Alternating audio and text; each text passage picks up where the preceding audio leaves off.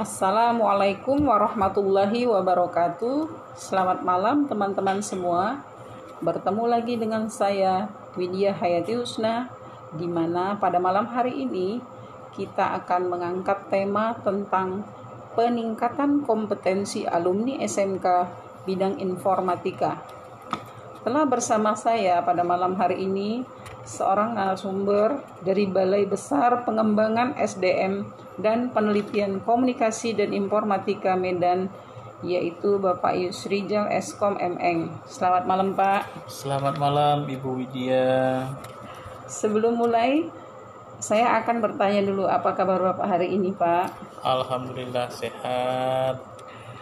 Untuk menggali informasi terkait tema kita pada malam hari ini, ada beberapa hal yang akan saya tanyakan. Yang pertama, apa saja program-program dan apa tujuan pemerintah di bidang pengembangan SDM yang saat ini dilaksanakan oleh Kementerian Kominfo, Pak?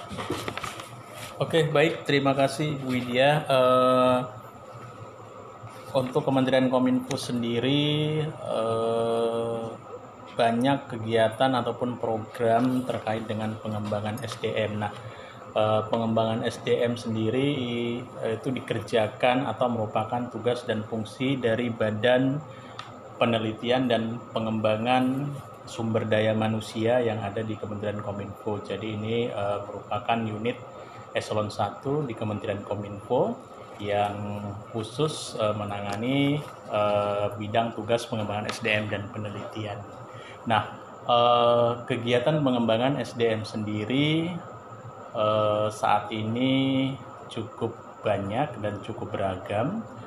Uh, orientasinya yang pertama itu adalah uh, bagaimana meningkatkan uh, kompetensi bagi uh, masyarakat khususnya uh, para angkatan kerja uh, muda yang yang siap berkompetisi pada era uh, kompetensi uh, kompetisi global seperti itu. Itu yang pertama ya. Jadi bagaimana meningkatkan kompeten, kompetensi mereka. Baru yang kedua adalah bagaimana agar uh, penetrasi TIK khususnya uh, pemanfaatan TIK ini bisa uh, berkembang dan eh, apa pemanfaatannya lebih masif lagi di masyarakat seiring dengan pembangunan infrastruktur eh, bidang eh, teknologi informasi dan komunikasi yang eh, beberapa tahun ini sedang giat-giatnya dikerjakan oleh Kementerian Komunikasi dan Informatika.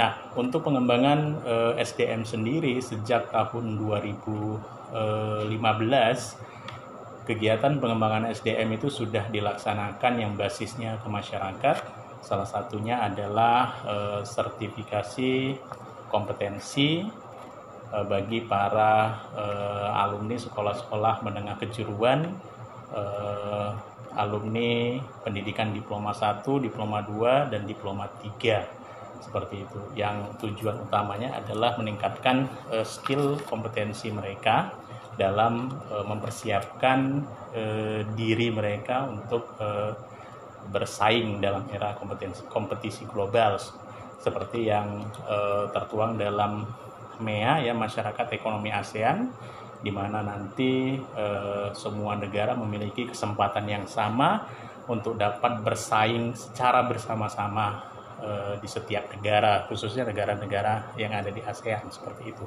Nah, itu uh, sertifikasi SKKNI dimulai dari tahun 2015 dan hingga saat ini. Nah, kemudian di tahun 2018 eh,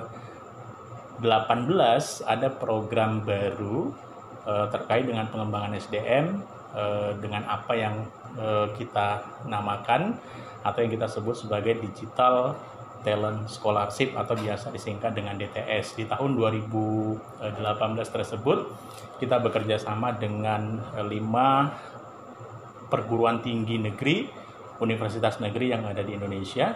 Ada Universitas uh, Indonesia, uh, Institut Teknologi Bandung, kemudian ada Universitas Gajah Mada, ada Institut Teknologi 10 November, dan uh, beberapa kampus-kampus lain yang ada di Indonesia dengan target kepesertaan ketika itu hanya 1000 orang seperti itu. Nah, eh, melihat pengalaman ataupun eh, banyaknya peminat di tahun 2018, maka program Digital Talent Scholarship di tahun 2019 dilanjutkan dengan target kepesertaan hingga mencapai 25.000 orang seperti itu dengan menambah beberapa tema pelatihan. Di tahun 2019 eh, ada empat tema pelatihan utama.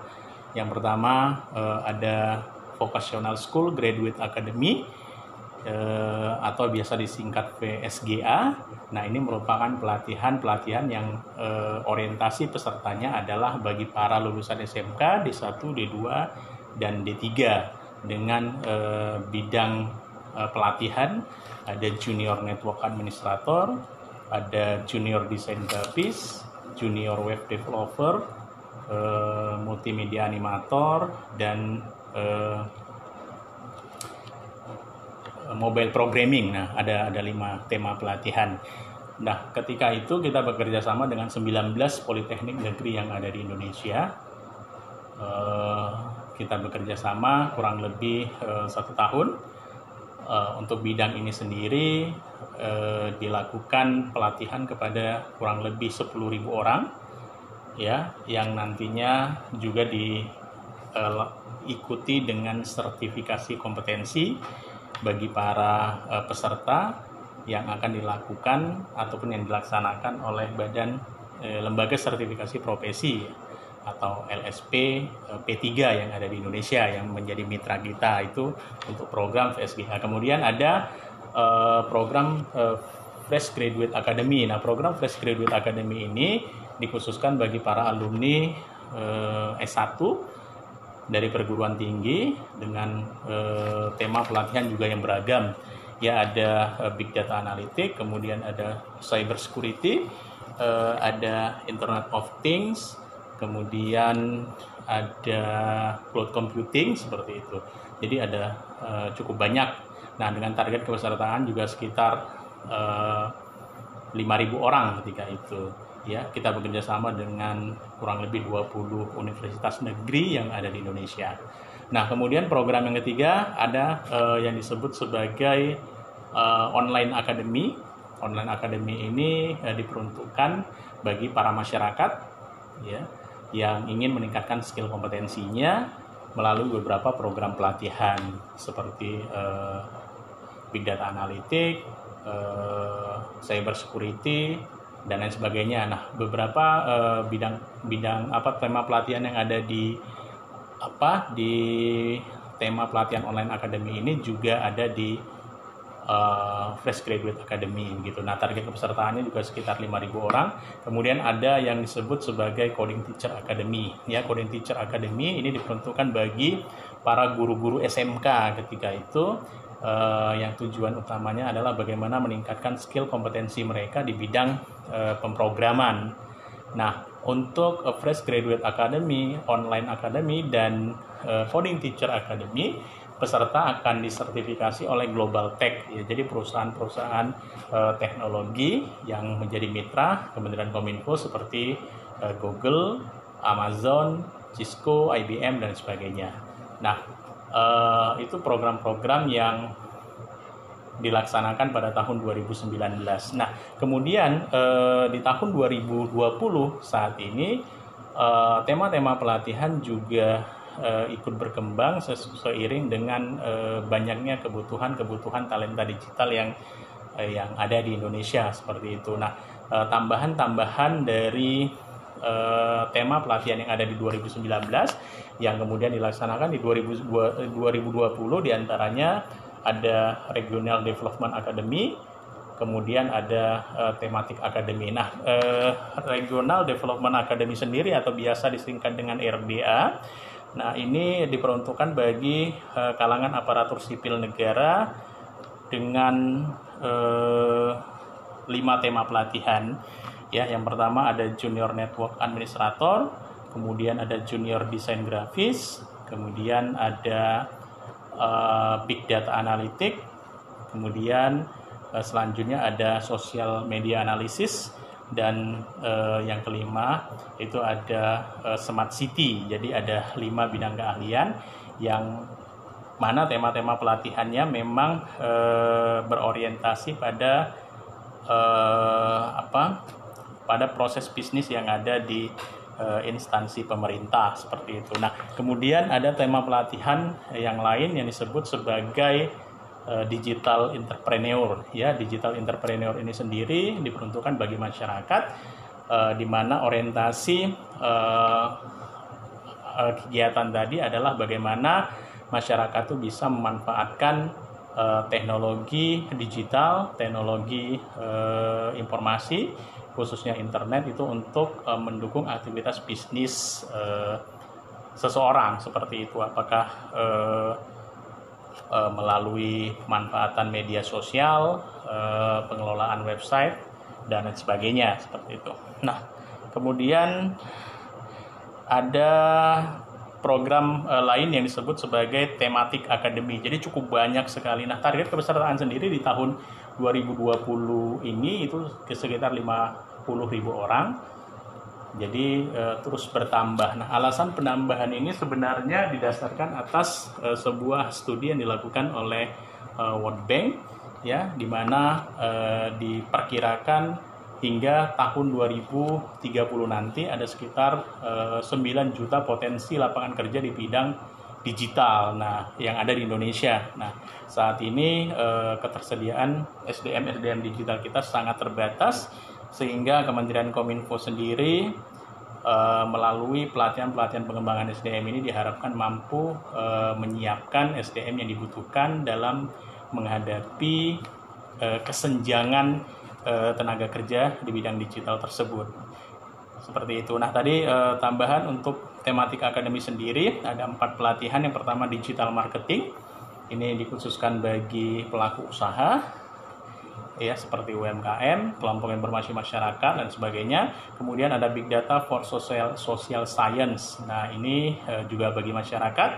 Kemudian ada IT perbankan dan IT project management ini uh, lebih kepada profesional di bidang IT seperti itu. Nah, itulah uh, beberapa program kegiatan yang dilaksanakan oleh Kementerian Komunikasi dan Informatika dari tahun 2015 hingga uh, tahun 2020 ini. Oke. Oh baik Pak, terima kasih. Siapa saja yang menjadi target dari program tersebut Pak? Oke, uh, tadi sudah disebutkan bahwasannya dari tema-tema pelatihan targetnya juga spesifik. Uh, misalnya kalau kita bicara vocational school graduate academy uh, pada uh, program digital talent scholarship, target pesertanya adalah para alumni alumni uh, SMK, kemudian D1, D2 dan D3.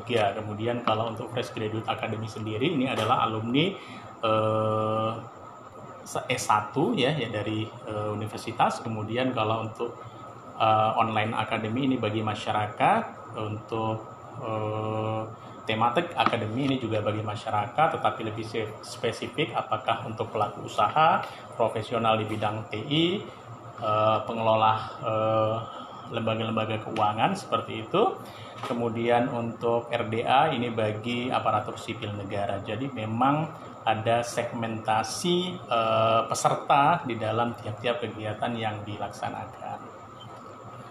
Ya, selanjutnya bagaimana mekanisme pelaksanaan kegiatan tersebut? Oke, uh, mekanisme pelaksanaan kegiatan untuk program pengembangan SDM baik sertifikasi SKKNI maupun digital talent scholarship ini dilaksanakan eh, idealnya dilaksanakan secara offline artinya tatap muka tetapi eh, dikarenakan alasan pandemi di tahun 2020 ini maka pelatihan-pelatihan tersebut dilaksanakan secara daring atau uh, virtual seperti itu. Nah, mekanismenya sendiri kalau untuk beberapa program DTS khususnya VSGA, FGA, Online Academy dan Tematik Academy ini eh, peserta akan diberikan pelatihan ya selama kurang lebih 15 sampai eh, satu bulan 15 hari sampai dengan satu bulan pelatihan kemudian akan dilanjutkan dengan sertifikasi bagi VSG, VSGA untuk SMK D1, D2, D3 eh, sertifikasi akan dilaksanakan oleh lembaga sertifikasi profesi. Kemudian untuk FGA sendiri akan FGA Online Academy ini akan disertifikasi oleh eh, Global Tech atau perusahaan-perusahaan eh, teknologi seperti IBM, eh, Microsoft, Google, eh, Cisco dan lain sebagainya. Seperti apa output dan outcome yang diharapkan dari pelaksanaan kegiatan tersebut? Iya, output uh, adapun outputnya kita dari Kementerian Kominfo sendiri sesuai dengan target perencanaan yang disetujui oleh uh, Badan Perencanaan dan Pembangunan Nasional atau Bappenas adalah uh, jumlah orang-orang yang dilatih dan orang-orang yang akan disertifikasi termasuk tingkat kompetensi uh, dari orang-orang yang uh, di sertifikasi tersebut itu outcome uh, outputnya. Sementara outcome-nya adalah bagaimana agar uh, para peserta yang ikut dalam pelatihan tersebut setelah disertifikasi dan dinyatakan kompeten uh, ini bisa uh, memperoleh pekerjaan ataupun e, bisa bekerja pada perusahaan-perusahaan di bidang teknologi informasi dan komunikasi khususnya atau setidaknya mampu membangun uh, bisnis di bidang uh, digital seperti itu. Karena di dalam uh, pelatihan pelatihan uh, yang dilaksanakan ada sesi khusus bagaimana uh, digital entrepreneur itu di, diajarkan. Sehingga para peserta diharapkan itu juga mampu secara mandiri melihat potensi-potensi dan peluang usaha di bidang digital jadi tidak harus uh, berharap uh, bisa bekerja di perusahaan tapi setidaknya mampu untuk membuka bisnis-bisnis di bidang digital seperti itu. Jadi uh, kesimpulan apa yang yang bisa kita ambil pada diskusi kita pada malam ini, Pak? Oke, kaitannya dengan saya kembali ke topik pembahasan kita bagaimana meningkatkan kompetensi uh, alumni SMK tadi ya di dalam uh, di bidang informatika uh, kesimpulannya adalah uh, diharapkan uh, bagi pemerintah itu dapat terus menggalakkan atau terus memprogramkan kegiatan-kegiatan uh, pengembangan SDM seperti yang sudah dilaksanakan tentunya dengan uh, mekanisme uh, sinergi yang terus berkelanjutan antar stakeholder karena sesuai dengan uh, outcome yang diharapkan adalah bagaimana agar para peserta dan alumni-alumni dari kegiatan-kegiatan pengembangan SDM ini bisa uh, diserap oleh industri begitu. Jadi uh, apa uh, kegiatan pengembangan SDM itu sendiri sebenarnya bukan hanya kegiatan yang uh, dilakukan oleh Kementerian Kominfo sebagai leading sektor saja, tetapi perlu keterlibatan semua pihak, termasuk salah satunya adalah pihak uh, sekolah di mana siswa tadi itu uh, mulai apa ya uh, mulai dididik seperti itu agar nantinya bisa menghasilkan SDM SDM yang lebih baik. Karena persoalan yang timbul ketika uh, kita melaksanakan sertifikasi ternyata masih banyak siswa-siswa uh, yang uh, tingkat pemahamannya itu berbeda begitu. Tingkat pemahamannya berbeda antara e, materi pembelajaran di sekolah dengan e, materi uji kompetensi yang dilakukan oleh lembaga sertifikasi profesi. Nah, di sini perlu sinergitas e, khususnya sinergitas kurikulum antara pihak sekolah dengan unit-unit kompetensi yang ada di lembaga sertifikasi profesi sebagai uh, lembaga assessment uh, peserta. Sehingga ada uh, keterhubungan begitu. Sehingga ketika peserta disertifikasi uh, akan akan sama persepsinya terkait dengan materi-materi uji yang eh, diajarkan baik dari pihak sekolah maupun yang akan diujikan oleh LSP. Nah, itu salah satu eh, saran yang kita harapkan dari kegiatan pengembangan SDM. Ada sinergi antar stakeholder, antar pemangku kepentingan, eh, termasuk penyedia lapangan kerja. Nah, perlu diinformasikan bahwasannya Kominfo sendiri itu menyediakan satu platform yang namanya Simonas Simonas itu adalah sistem monitoring alumni sertifikasi. Jadi orang-orang yang sudah mengikuti program uh, dari Kementerian Kominfo uh, baik DTS maupun sertifikasi ini bisa uh, mendaftarkan diri untuk bergabung ke dalam Simonas di mana Simonas itu nanti akan uh, menyediakan uh, menyediakan fitur fitur yang mempertemukan antara pelaku-pelaku industri, pelaku-pelaku usaha itu dengan para peserta alumni Eh, kegiatan-kegiatan pengembangan SDM yang dilaksanakan oleh Kementerian Kominfo. Sehingga informasi lapangan kerja, eh, informasi kepesertaan itu bisa dipertemukan ya. Sehingga potensi-potensi lapangan kerja itu lebih mudah uh, diperoleh seperti itu. Alhamdulillah itulah tadi kesimpulan dari tema kita pada malam ini. Uh, terima kasih. Saya ucapkan kepada Bapak narasumber yang telah bersedia meluangkan waktunya pada malam hari ini. Saya mohon diri, mohon maaf jika ada yang kurang berkenan di hati. Wassalamualaikum warahmatullahi wabarakatuh. Waalaikumsalam warahmatullahi wabarakatuh.